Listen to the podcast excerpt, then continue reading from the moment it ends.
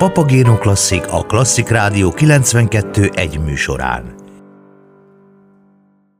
A mesterségek ünnepére invitáljuk Önöket a Papagéno Klasszik következő perceiben. 35. alkalommal rendezik meg az ország legnagyobb népművészeti fesztiválját, a Mesterségek ünnepét.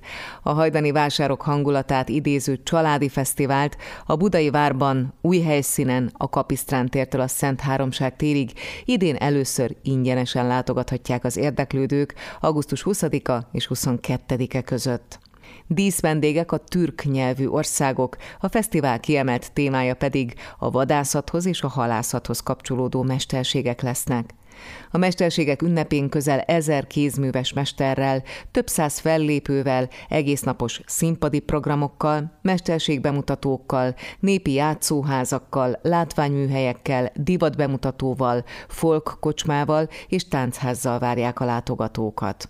Az erdő és a tó tematikához kapcsolódva a kicsiket mesesarok és bábszínház szórakoztatja, míg a felnőttek a látványműhelyekben megismerhetik a vadászathoz és a halászathoz kapcsolódó kézműves mesterségeket, a késes, bőrműves, szaru és csontfaragó szakmákat és a hálókészítést azeri szőnyegkészítők, kazah hagyományos viseletkészítők és nemezesek, üzbék batikművészek és tatár bőrművesek legszebb mestermunkáit csodálhatják meg a rendezvény három napja alatt az érdeklődők, de ott lesznek Törökország és Kirgizisztán kézműves mesterei is.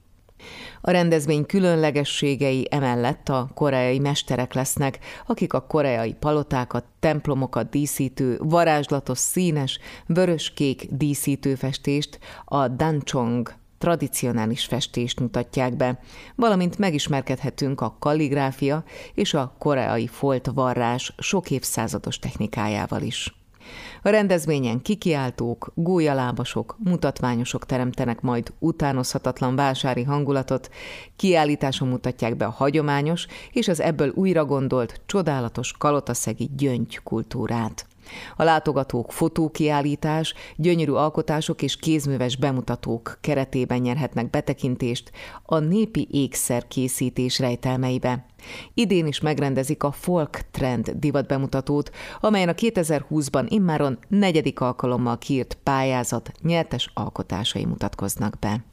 A fesztiválon hazánk legkiválóbb népzenészei, néptánc együttesei lépnek fel, ott lesz többek között a muzsikás együttes, Lakatos Mónika és a cigányhangok, Csík János és a Mezzó, Fitos Dezső és társulata, a Hagyományok Háza pedig többek között a Magyar Állami Népi Együttes fellépésével és a Pocket koncerttel készül. Kedves hallgatóink, a Bújtor István Filmfesztivált idén-nyáron augusztus 19-e és 22-e között rendezik meg Balaton szemesen.